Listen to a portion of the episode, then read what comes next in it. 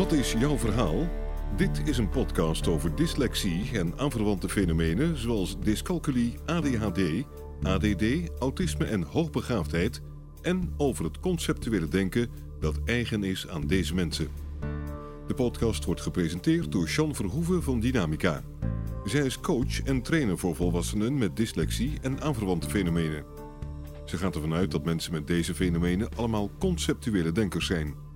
Als je dat weet en weet hoe dit denken werkt, is het mogelijk om een gemakkelijker en succesvoller leven te hebben en effectiever te kunnen functioneren in je studie of je werk. In deze podcast gaat ze in gesprek met mensen die hun eigen verhaal willen vertellen. Een verhaal dat gaat over labels, hun andere manier van denken, hun tegenslagen, de voordelen van het conceptuele denken en hun succesverhalen. Jean Verhoeven spreekt uit eigen ervaring. Ze heeft zelf dyscalculie, dyslexie en ADHD. Welkom bij deze podcast. Mijn naam is eh, Trudy Boersen. Ik werk als coach en eh, trainer bij Dynamica. En ik ga in gesprek met Jean Verhoeven, mijn collega, die normaal deze podcast uh, leidt. En we gaan het vandaag over schrijven hebben. Jean, waarom is schrijven een belangrijk onderwerp voor alle conceptueel denkers? Omdat uh, schrijven gaat over op papier zetten wat er in je hoofd zit. Aangezien we allemaal conceptueel denkers zijn, dus beelddenkers, associatief denkers, is het vaak moeilijk om het begin beet te pakken van het schrijfwerk. Wat ik wel vaak hoor, mensen met hoogbegaafdheid of ADHD'ers die zeggen: Ja, maar je kan heel goed schrijven. En dan zeg ik: En hoeveel energie kost je dat? Ja, het kost me wel heel veel energie. Hmm. En staat er altijd wat je bedoelt? Nee, het staat niet altijd wat ik bedoel. Dus daar gaat het schrijfwerk ook over. Hmm. Zeggen wat je te zeggen hebt en om het uit je hoofd te krijgen wat je te zeggen hebt en dat op papier. En waarom kost dat zoveel energie volgens jou? Als het gaat over schrijven, dat we heel snel bezig zijn met: kunnen ze het wel lezen? Word ik wel begrepen? Staat er wel wat ik bedoel? Mm daar zijn we mee bezig. Dus dan, dan zijn we met de vorm bezig en niet met de inhoud. En het andere is, is dat beeld gaat zo razendsnel. En in dat beeld is, dat, hè, is die scriptie of dat verslag of dat uh, e-mailtje is lang klaar. Maar ja, het moet nog wel uh, letter voor letter uitgetypt worden. En dat gaat veel langzamer dan dat we denken. Dus dat maakt dat het ook heel lastig is om op papier te zetten wat er in het hoofd zit. Hm. Ja, oké. Als we het dan over conceptueel denkers hebben en je zegt van het zijn beelddenkers, het zijn associatieve denkers, wat gebeurt er dan tijdens het schrijven? Wat er gebeurt is, je hebt dat beeld en in dat beeld ben je vijf stappen verderop, minimaal. Dus dat beeld maakt ook dat je bijvoorbeeld die ene kritische collega die het altijd over je D's en T's heeft of over die nou ja, kritisch is op, op alles. Als je daaraan denkt als je aan het schrijven bent, dan ben je alleen maar bezig met wat diegene denkt en niet met wat je wil schrijven. Bij het schrijven is het eerste wat je denkt, is het eerste wat je schrijft en dat is een conclusie. En dat is een soort eindbeeld. En dan denk je, als, ik dat op, als je dat opgeschreven hebt, is het makkelijk om te denken van, oh ja, dat is helder. Dus dan denk je, nou, klaar, dus dan stuur je het weg en dan krijg je of heel veel vragen of je krijgt geen reactie erop. En een conclusie daarmee bedoel je, uh, dat is de oplossing, dat de oplossing, is uh, wat we moeten gaan doen, dat is de kern van het probleem, ja. et cetera. Ja, en dan kan het zijn dat andere mensen zeggen van ja, ja je, je, gooit het bij mij over de schutting of je bent een beetje agressief. Je zegt uh, hoe ik het moet doen, mag ik zelf ook nog mee bepalen. Dus die conclusie is niet altijd handig om dat neer te zetten. Of alleen dat neer te zetten. Een conclusie moet ingepakt worden. Ja. Nou, en als we het over schrijven hebben en over communicatie, natuurlijk, want schrijven is communiceren, dan heb ik het weer over die vier fasen waarin we het, hè, communicatie hier verdelen. Mm Introductie, afstemming, inhoud, afsluiting. En drie, die eerste, de introductie, afstemming vergeten we. Mhm. En de afsluiting vergeten we. Met als gevolg dat er allemaal conclusies staan in je mail of in je verslag of in je hè, scriptie. Mhm. Ehm, en dan kunnen mensen je niet volgen, want mensen moeten meegenomen worden in als we praten en als we schrijven. Mhm. En we hebben nogal is de neiging om te zeggen, dat moet je zo doen, of dat is toch niet zo moeilijk, doe het even zo. maar dat kan heel bot overkomen. Ja. Daar zit die moeite en dat is iets wat we als alle conceptueel denkers doen dat. Ja. En als je dan even apart naar die fases uh, kijkt, wat, wat, betekent elke fase dan? Wat, wat doe je dan? De eerste is de introductie, hè, is de goedemorgen. Komt het uit? En heel vaak doen we dat wel in ons hoofd, maar zeggen we het niet of noemen we het niet, mhm. waardoor het er niet staat. En daarmee zeg je ook tegen de ander: Ik heb je gehoord, ik heb je gezien. En weet die ander dat hij gehoord en gezien is, want dat hebben we allemaal nodig. Lijndenkers, beelddenkers, we hebben het allemaal nodig om gehoord en gezien te worden. En de afstemming is: Goh, dat is wel interessant wat je nu zegt. Het is wel handig om daar even over door te praten. Maar als we het over schrijven hebben, wat schrijf je dan op? Ja, niet zulke moeilijke vragen stellen. uh, ik ga eerst dit afmaken. En de inhoud is de actie, hè, waar de, daar hoort de conclusie thuis. Maar ook dat moet weer ingeleid worden. En als afsluiting is bijvoorbeeld dankjewel, fijn dat je er was. Het is wel grappig, want uh, je slaat zelf nu ook de afstemming over. Dus dan heb je de introductie gehad. Uh, goedemorgen en, en nog even wat bla bla dingen. Ja. Uh, wat zeg je dan als afstemming? Ehm, in een e-mail of in een, ja, in een stuk? Het is een hele goede dat je dat zegt, want zo moeilijk is die afstemming ook. En dan had ik bedacht daar een mooie zin voor op voor willen bereiden, want dat soort dingen weet ik nooit. Zelfs niet als ik al twintig jaar dit verhaal vertel. Als ik reageer op een e-mail, die zal ik even uitleggen. Dan zeg ik hoi, ja, hoe begin ik dan? Dus dat is al moeilijk om neer te schrijven. En dan denk ik, mm. dan ben ik al hard aan het werk. En vervolgens moet ik zeggen, hoe gaat het met jou? En dan denk ik, ja, dat wil ik helemaal niet weten. Ik moet, ik moet die conclusie kwijt. Hoe gaat het met mij? Ja, wat wil je van mij weten? Mijn lijf, mijn hersens, mijn thuis, hier, mijn werk. Ik, ah, allemaal keuzes. En daar kom ik ook niet uit, zoals ik er nou niet uitkom. Mm. En vervolgens ben ik al lang kwijt waar de vraag over ging. Dus moet ik de e-mail nog een keer lezen. Nou, weer tien minuten verderop. Oh ja, en dan vragen ze ook nog, uh, wanneer kan ik je bellen? Dan kan ik heel mijn agenda overschrijven, want uh, dan kan ik even, dan kan ik even. Nou, dan ben ik een half uur bezig en staat er eigenlijk niks. Hm. En dan vergeet ik nog uh, nou, hè, mijn naam eronder te zetten. Nou, gelukkig gaat dat bij de e-mail tegenwoordig vanzelf. Nou, zo schreef ik voorheen een e-mail. En dan was ik hm. een half uur tot drie kwartier bezig zonder dat er iets echt op papier stond. Hm. Nu ik dit weet, scan ik een e-mail, een vraag, bedenk ik, wil ik hier wat mee of niet? Want dat is de eerste. Ten tweede schrijf ik eerst op, dit wil ik, dit kan ik. En dan staat er dat, kan ik het niet meer kwijtraken. Want dat is hè, vaak wat, waar we bang voor zijn, dat die conclusie kwijtraakt. En dat zet je dan even in een mindsmap of zo? Nee, dat zet ik gewoon in de e-mail. Oh, ja, ja. Uh, zeker bij kleine e-mails doe ik dat uh, meteen. Een mindmap ik niet uh, bij conclusie neerzet en wat ik wil en wat ik vind. Mhm. En dan weet ik automatisch, oh ja, beste, hè, ik altijd beste. Dan zeg ik, gaat het met jou, met mij gaat het goed. Dus er hoeft geen antwoord op gegeven te worden. Het is meer van, hallo, ik zie je, ik weet wie je bent. En dan kan ik zeggen, goh, fijn dat je aan me denkt. Uh, natuurlijk wil ik meewerken. Dan wil ik graag dit en dit uh, onderdeel doen. Zo, zo, uh, wil, ik, wil ik het graag doen. Want dan kan ik zeggen hoe ik het wil hebben. Dan kunnen zij bepalen of ze dat willen daarin mee willen. En dan kan ik zeggen, dinsdag over drie weken, dan heb ik de hele dag tijd om te bellen. Hm. Zonder dat ik mijn agenda over hoef te schrijven, want omdat ik denk dat ik morgen al gebeld uh, moet worden. Nou, en dan raak ik niks kwijt en dan kan ik de ander meenemen in. Maar hm. wel op mijn manier. Hm. op onze volgorde. Begin het vanuit de conclusie. In plaats van maar doen wat er geleerd wordt, dat je bij het begin moet beginnen. En die conclusie is ons begin, is die conclusie. Ja. ons begin is niet de goede morgen. Nee, dus eigenlijk begin je van, ga je van achter naar voren schrijven. Je schrijft eerst datgene op wat het laatste is en dan ga je daarboven alle andere dingen opschrijven. Ja. En dat is natuurlijk ook makkelijker van zo'n computer. Ja.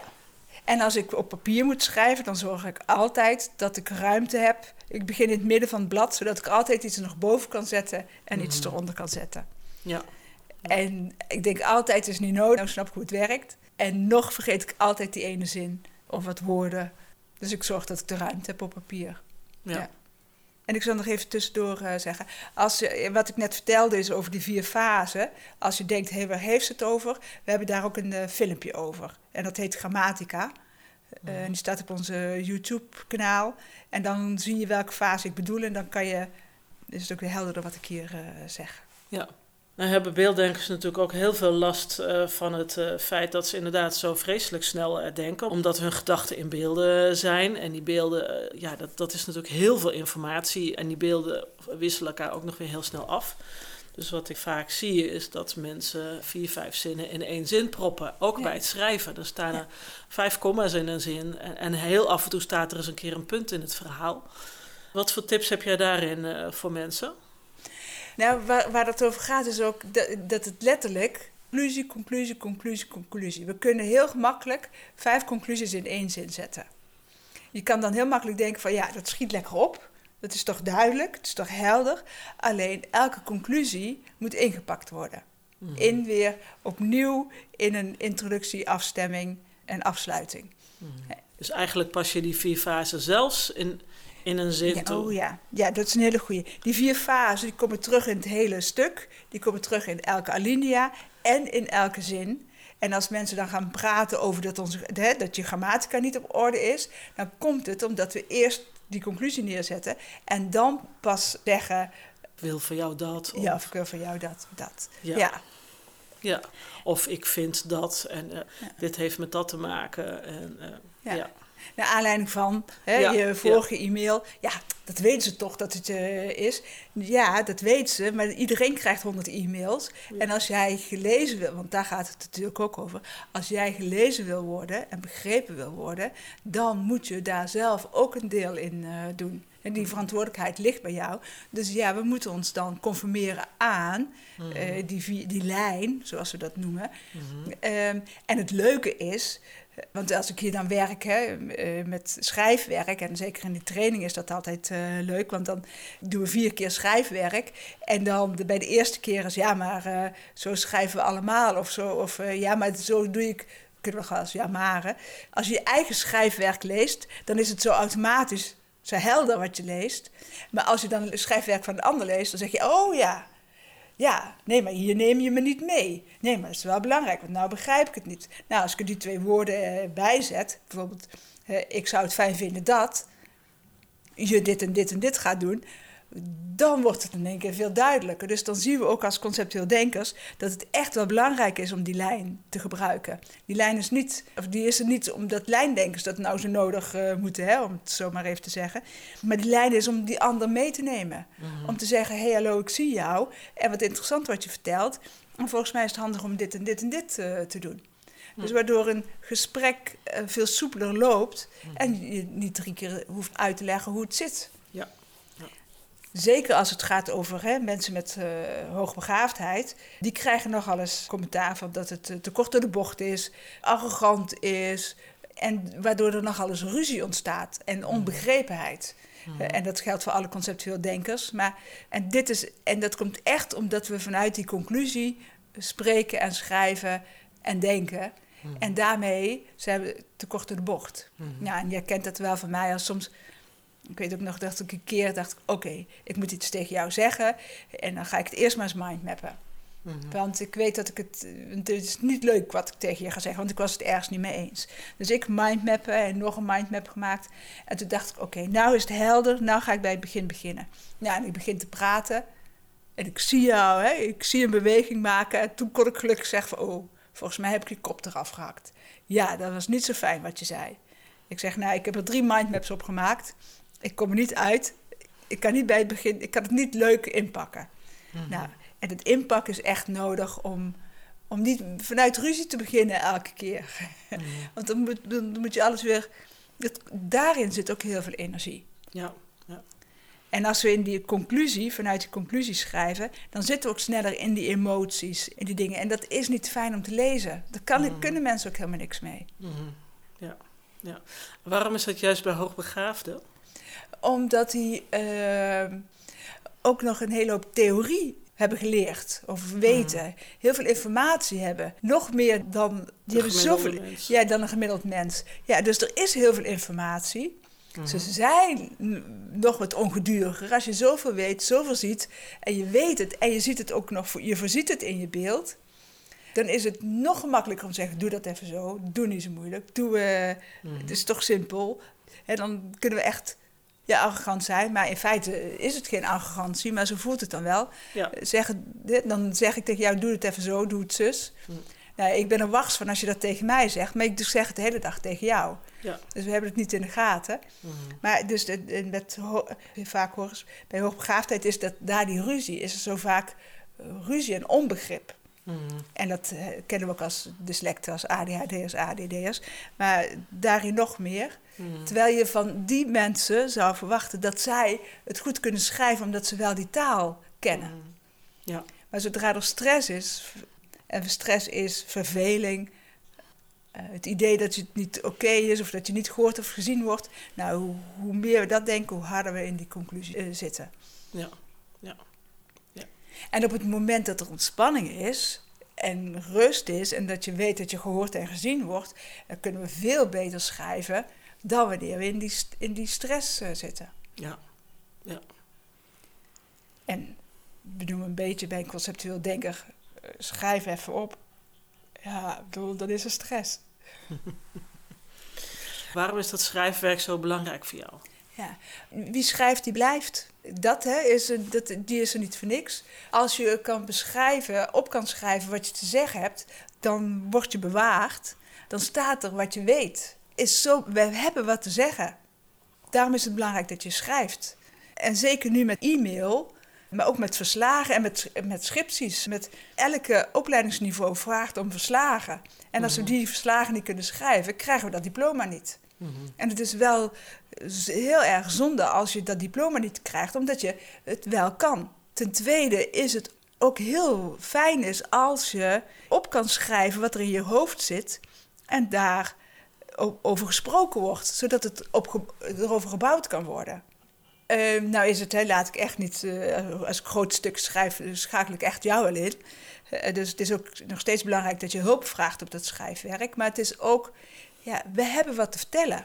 Is ook belangrijk dat we wat te vertellen hebben. Plus dat eh, schrijven niet, gaat, eh, niet alleen gaat over fouten, hè, D's, D's en T's, wat, wat, waar we op dyslect, met mensen met dyslexie op afgerekend worden. Kijk, als we in dat beeld zitten en aan denken blijven, dan gaat, blijft het rondcirkelen. Zodra het op papier staat, dan kunnen we daar stappen in nemen. Mhm. En dat is ook heel belangrijk. Mhm. Wat je eigenlijk ook zegt is dat hè, als je een verslag schrijft of een beleidstuk of een voorstel op het werk of wat dergelijke, dat je daarmee dan ook gewoon eh, laat zien hoe slim je bent, hoe intelligent je bent, hoe, dat je nou een, een, een visie hebt Ja. op dingen. Ja, en dat je visie gehoord wordt. Want we, Ja. en we roepen, we willen gehoord en gezien worden. En dat moeten we ook doen.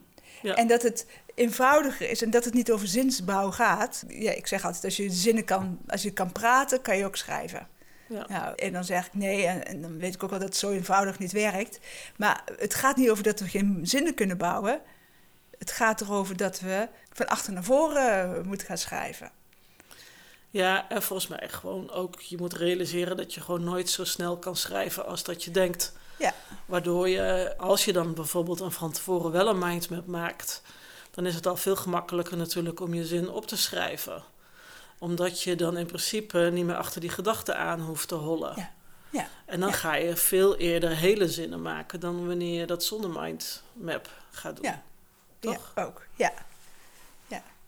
Goed, als we het dan over schrijfwerk hebben en de stress eh, die dat dan oplevert, dan eh, heb jij het ook altijd over het dictégevoel. Wat is dat? Ja, het dictégevoel is dat je al die ziet die, die rood eh, terugkreeg. Dus, dus als je aan het schrijven bent, dan, dan ben je al bezig met... oh, doe ik het wel goed en snappen ze me, kan ik dit wel zeggen... en hoe zit het met die D's en T's? En ook, nou, ik heb dat als, als ik aan het typen ben en jij komt binnen en je gaat achter me staan of schuin achter me staan of naast me staan. En dan denk ik dat je aan het kijken bent wat ik aan het doen ben. En nou vertrouw ik jou heel erg. Eh, Maar dan het eerste wat ik zeg is eh, opzouten. Want ik kan niet typen als jij daar staat te kijken. Dat er op je vingers gekeken wordt. Dat, want per definitie ga jij zeggen dat mijn schrijfwerk niet deugt. Mhm. Nou, dat zeg je helemaal niet. Maar dat is wel hoe het voelt. Mhm. Nou, dan kan je denken, dan moet je daar even stress opruimen. Nou, hoeveel ik al opgeruimd heb. Maar dat gevoel blijft, is een heel sterk gevoel. Dat ik niet verder kan typen als jij naast me staat. Ook al ben je iets anders aan het doen. Ja. Dus En ik, dat zie je natuurlijk op het werk heel veel met mensen met dyslexie. Ja, en ja, die ja. eh, een leidinggevende hebben die dan mee gaat eh, kijken of mee gaat denken met het stuk. Ja. En dan kom je gewoon niet meer helemaal, weet je helemaal niks meer op papier te zetten. Ja. Ja. Ja, en dan denken we leuk, hè, digitalisering is eh, lekker makkelijk voor mensen met dyslexie. Maar het vertelde toevallig gisteren een klant. Nou, dan zit je met een call en dan is hij de projectleider. Dan zijn ze een stuk aan het maken en dan moet hij typen. Komt hij niet zo snel op een woord en dan roept er weer iemand, ja, dan moet je zo doen. Ja, en dan eh, kijkt hij op en zegt, hè, en dan gaat iemand het spellen. Ja, nou, mij ben je ook kwijt als je gaat spellen. Dus, dan, dus ook daar zit de, de stress. Dus dan wordt, er- word je door vijf mensen op je vingers ge- gekeken. Ook al weet iedereen dat je dyslexie hebt, want hij kan het dan vertellen. Maar ja, vijf minuten later is iedereen al lang weer vergeten dat je dyslexie hebt. Want ja, je doet gewoon mee met alles. Dus, dus, dan, dus het komt nog alles voor ja, dat mensen op je vingers eh, kijken. En Ja. dat... ehm, En hebben eh, andere mensen daar ook last van, andere conceptueel denkers? Ja, want dat is, eh, ik had pas een, eh, dat is ook leuk, een, een klant, eh, communicatiewetenschapper, geeft les op de universiteit en die heeft ADHD. eh, dus geen, in feite geen schrijfprobleem, maar schrijfwerk is puur ellende. En waarom? Omdat ze niet kon zeggen wat ze te zeggen heeft. Hm. Alleen maar bezig was, hoe maak ik nou die mooie zin? Hoe eh, mag ik dit wel zeggen? Eh, kan ik het zo wel doen? Eh, dus het zelfbeeld zat er helemaal tussen. Constant denken van, mag dit wel? Kan ik dit zo zeggen? Ben ik dan niet te hard? Ben ik niet te zacht? Dat soort dingen zaten er bij haar heel erg tussen. Dus alles wat ik hier dan vertel, want we hebben het hier nooit over deze en deze, want dat nou, Dat is niet interessant. is niet interessant. Er zijn details, het, eh, daar hebben andere mensen voor. En natuurlijk worden we daar wel op afgerekend op school, laten we wel wezen. Maar hier, hè, als ik dan uitleg, ook bij haar, hè, door wat, één, hoe doe je sowieso? Hè, dat Mhm. zelfbeeld, hoe zit dat overal tussen? Mag je zijn wie je bent? En mag je zeggen, dit is wat ik weet, en dit is wat ik kan? En van daaruit weten dat je in conclusies eh, schrijft. Nou, en als je die conclusie eerst neer gaat zetten en dan in gaat pakken, nou, daardoor ging ze het stuk beter eh, schrijven. En daardoor ging ze ook veel gemakkelijker spreken. Ja. Daar zit het constant eh, tussen. Het punt ook wel van, goh, als het dan over schrijven gaat, wat heb ik daaraan als ADHD'er? Nou, zei ze, ik wist niet dat dat zo, zo generaal was, ook bij, bij iedereen, dat dit is waar het over gaat en niet over deze en deze. Ja. En want ook haar zinnen waren krom, omdat ze te voorzichtig was of te snel in de conclusie zit. Nou, en ik hoef niet uit te leggen, als ik uit, door uit te leggen hoe die conclusie werkt in de zinnen, hoef ik die zinsbouw niet uit te leggen. Ja. Want als die conclusie op de goede plek staat, dan is die zinsbouw op orde. ja. In hoeverre heeft dat zelfbeeld überhaupt invloed op het schrijven? 99 procent. Leg uit. Als je achter de computer eh, zit of achter papier, nou, dan zit je te schrijven en dan denk je aan die ene lijnengevende. En dan wordt het stil. Doe ik het wel goed? Mag ik het zo zeggen? Eh, eh, wie ben ik om het goed te doen? Dat zit, hè, die dingen. Eh, en daarnaast, Wie ben ik om dat te zeggen? wie, ja, wie ben ik om dat te zeggen? En het was leuk, want ik maakte die zin niet af, want ik dacht, dat heb ik net toch ook al gezegd. Dus dan, waarom moet ik het nou nog een keer zeggen? Dat snapt toch iedereen die dit eh, hoort? Nou, hè, die gedachte, constant, waardoor, en dat maakt dat we zinnen niet afmaken. Überhaupt is het een hele hoop. En het andere is, hè, dat heb ik net toch al gezegd, ik moet een beetje opschieten, want we hebben niet zoveel tijd. En ben ik wel interessant? Nou, dat maakt dat we hè, sneller in die maar halve zinnen maken. Wat we leren is, als je gaat schrijven, dan moet je je afstemmen op de doelgroep. Mhm. Maar als ik me afstem op mijn doelgroep, dan heb ik hier maar vier mensen zitten in de training. En in coaching maar één, eh, heb ik vier verschillende doelgroepen voor me. Want die schrijft zoveel, die schrijft eh, zo weinig, en die schrijft dit en die schrijft dat, en die kan veel beter schrijven dan ik. Dus dan heb ik, ben ik met vier doelgroepen bezig. En dat kan ik niet in één, in één zin eh, zeggen. Wij zijn natuurlijk ook nog heel goed in afstemmen en met iedereen rekening houden. Nou, en als ik dan met vier mensen zit, dan heb ik vier verhalen in mijn hoofd. En dan kom ik überhaupt niet to the point. Mhm. En dan is het zelfbeeld, want daar ging het over. eh, ik wil het goed doen. Het moet wel perfect. Het moet wel meteen begrepen worden. En het moet voor iedereen helder zijn. En ik ben niet zo helder. Dus oh, dan moet ik wel. eh, eh, oh, en die wil dat kort door de bocht doen. En die wil dat wat uitgebreider. Dus dan zit die gedachte er constant tussen. En die gedachte, wat je over jezelf denkt, dat is je zelfbeeld. En wat je over jezelf denkt, speelt door in het schrijfwerk. Dat maakt dat je er niet toe komt om een stuk te schrijven, want je bent met te veel dingen bezig. Is het nog helder wat ik zeg? Eh, wat je ook zegt is dat er zit ook een stuk afstemming in. Ja, Dus als jij het over doelgroepen en dergelijke hebt, Ja. dat betekent het omdat wij dan als Ja. conceptueel denkers alles eh, zien en alles eh, Ja. meenemen. Dan neem je dus gewoon al die informatie van al die doelgroepen, die nee. eigenlijk één gro- doelgroep zou moeten zijn. Maar jij ziet er wel vier of tien of honderd. ja, dat neem je dan allemaal mee en dat moet dan ook allemaal in je antwoord verwerkt zijn. Dat gaat dan weer wel minder over zelfbeeld. Dus stel dat je ja maar het zelfbeeld... gaat wel over perfectie. ja, dat ja. het perfect eh, moet zijn. En dat afstemmen op die ander. En dat je Ja. het goed moet doen. Dus dat speelt erin. Ja. En bij dat zeg ik altijd: nee, niet afstemmen op die doelgroep. Wat heb jij te zeggen? Mhm. Als jij vertelt wat jij te zeggen hebt, dan zit je altijd goed met die doelgroep. Ja. Want dan gaat het over wat jij te vertellen hebt. Ja. En mensen snappen gewoon wat je te zeggen hebt. Ja. En ja, als gemeentesecretaris is dat iets anders, maar dat weet je, dat weet je dan. Dat hoef ik mijn klanten niet te vertellen. Eh, en als je voor de andere, voor, doe maar even, bouwvakkers schrijft, dan moet je dat anders doen. Maar daar gaat het meestal niet over. Het gaat erover, wat heb ik te vertellen? En wat ik te vertellen heb is interessant, dat je daarvan uitgaat. Want anders wordt het niet gevraagd. Ja. Ja. Dus mensen willen alleen maar weten, wat heb jij te zeggen? Oké. Stel dat, je een heel negatief eh, zelfbeeld hebt. Wat gebeurt er dan als je bijvoorbeeld een scriptie schrijft?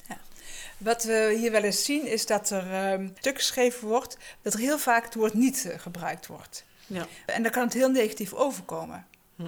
En bij zo'n popgesprek eh, heet het, persoonlijk ontwikkelingsplangesprek, inscripties, in andere verslagen. En als je dan heel veel schrijft vanuit niet, dan ziet een ander niet wat je wel kan. Hmm. En dan wordt het heel lastig om iemand te, positief te beoordelen. Hm. En wat ik dan wel vaak hoor is van... dan heb ik zo hard mijn best gedaan op dat verslag... en dan keur ze het helemaal af en ik begrijp het niet. Nou, en als ik dan kan laten zien hoe dat niet werkt... zodat ze zien wat het met ze doet... en hoe het dan anders kan... Hè, hoe je vanuit de ik... want dan, wat er dan gebeurt is dat ze de ik weglaten... en die ik zit ook in de introductie afstemming... ik heb dit en dit en dit Onderzocht. onderzocht. En mijn, eh, eh, wat eruit voortgekomen is, is zus en zo. Ja. Het onderzoek is, heeft niet gelopen zoals ik gehoopt. Eh zus en zus en zo is eh, wel van belang. Nou, dan steek je verkeerd in. Dan kan die koppeling niet gelegd worden. Hmm. Nou, en daar zijn we heel erg eh, goed in. Dan zie je natuurlijk heel veel dat, zeker in eh, mensen die eh, een MBO of een HBO of een universitaire studie doen, dat, dat ze op die scriptie eh, stranden. Wat zijn daar de mechanismen of de dynamieken in die jij daarin ziet? Ja, en vergeet ook niet het, het VMBO. Hè, VMBO 1, 2, 3, 4 moet ook allemaal verslagen schrijven. Ja. Niet per se scripties, maar wel verslagen. hè, een stageverslag. Ja. Dat is ook altijd zo'n fijn eh, ding. Heb je, voor je stage krijg je negen, maar dan moet het verslag nog geschreven worden. Ja. Nou, wat daar het probleem is, is dat je... Je hebt de stage al gedaan, je hebt het onderzoek al gedaan, je hebt, en dan moet het nog opgeschreven worden. Hmm. Nou, we houden als conceptueel denkers niet van herhaling. Ja. Schrijven is pure herhaling. En schrijven is in verhouding met het brein, gaat dat zo vreselijk langzaam. Zelfs als je snel kan typen, gaat dat heel erg langzaam. Dus je, je verslag is al af, je hebt in je hoofd is je verslag al af. hè. In je, je stage is al klaar, je, je onderzoek is al klaar. En dan moet het nog op papier gezet worden. En omdat het dat beeld is en je nooit geleerd hebt hoe je dat beeld beet moet pakken, weet je niet hoe je moet beginnen. En dan moet je bij de introductie afstemming beginnen. Maar dat zit helemaal niet in je hoofd, die is er niet. Nou, dat heb je net gemerkt, want die vergeet ik ook gewoon nog steeds. De stap van beeld naar tekst kunnen we niet maken. Nou, en dan zeg ik weer mindmappen, want dan, eh, dan kan je die, die stap maken. Maar, en dan verdwalen we erin. En wat gebeurt er als we, dan komt er stress. En wat gebeurt er als er stress is? Is er geen taal. Dus dan kunnen we ook niet zeggen help. Hmm. En vervolgens ben je twee weken verderop en dan gaat er, hè, wordt er alweer gevraagd waar is dat verslag. Nou, en dan komt er nog wat schaamte overheen. Weet je niet hoe je moet beginnen, je weet niet hoe je hulp moet vragen. Uh, of je krijgt überhaupt geen hulp, of je kan de hulp niet aanvaarden, want dat kan ook allemaal. En dan, dat maakt dat, die, hè, dat er uitstelgedrag uh, komt en dat dat verslag er niet komt. Terwijl je in feite donders goed weet hoe je het op zou willen schrijven, alleen je kan het begin niet beetpakken. Ja. En op het moment dat de stress natuurlijk optreedt, zie je, hè, dan, dan, krijg je gewoon de klassieke stressreacties: het bevriezen, vluchten of het vechten. Eigenlijk is vluchten gewoon uitstelgedrag in onze moderne tijd. Ja, het vluchten, maar ook het gevecht. Dat zien we niet altijd. Maar poeh, het gevecht wat ik in, in mijn hoofd voer met een e-mail wat ik moet schrijven of een scriptie die ik moet schrijven. Mhm. Want er zitten allemaal, ook wel allemaal tijgers in mijn hoofd hoor. En wat is het gevecht dan uh, letterlijk? In mijn beeld is helder en dan schrijf ik op wat er staat en dan zegt ze ja, maar het is niet helder wat er staat of het, je legt het niet uit. En dan denk ik, ik leg het toch uit. Mhm. je, het is moeilijk om zelf het verschil te zien tussen wat er in je hoofd zit en wat er op papier staat. Ja. Dan zit je achter zo'n computer of papier en het is daar leeg en het blijft daar leeg. Het komt niet vanzelf. En we leren het niet op school hoe het moet. Mm. Wat zou jij tip dan uh, zijn? Nou, dat er verteld wordt van dat je gaat schrijven met het eerste waar je aan denkt. Mm. En dat je daarop gestimuleerd wordt en dat het klopt, het eerste wat je denkt. Mm. En dat je dat in moet gaan pakken. Ja. En dat je dan dus inderdaad een mindmap gaat maken. Want dat is altijd de zin ja. die jij zegt. zeg het eerst wat hier opkomt, maar dan gaat het ook over mindmappen. Ja, ja. en zet dat in je, of in, gewoon in je e-mail of in de, in de mindmap. Zet alles wat er bij je opkomt in die mindmap. Mm Zodat het, hè, dan, dan staat daar die conclusie vast. En dan, wat ik dan ook zie bij mensen, is dan komt de rust. Ja, en mhm. dan kunnen we gaan vertellen. Ja. Dan kunnen we gaan schrijven. Ja. En ook, eh, want eh, soms krijg ik een e-mail en denk, jezus, snap ze het nou nog niet? Of uh, waarom moet ik dat doen? Of waarom is het nog niet gebeurd? Of uh, wat willen ze nou weer van me? Nou, en dan kan ik een hoop schrijven en dan denk ik, weet ik nu dat ik het niet weg moet sturen. Dan ga ik even, zeg ik, Jean, een loopje maken. Nou, en als ik dan weer terugkom, dan denk ik, oh wacht, dat was al mijn boosheid. En dan ga ik even mindmappen, wat wil ik wel? Hmm. Wat wil ik? Nou, en dan kan ik zeggen, oh, wat leuk dat jullie aan me denken. Ook al vond ik het niet leuk, want is het, hè, in feite kan het negatief zijn. Wat leuk dat jullie aan me denken. Zo, zo, zo, zo, dit en dit en dit uh, wil ik. Zo sta ik erin. En laat me horen of je hiermee uh, verder wil. Mm.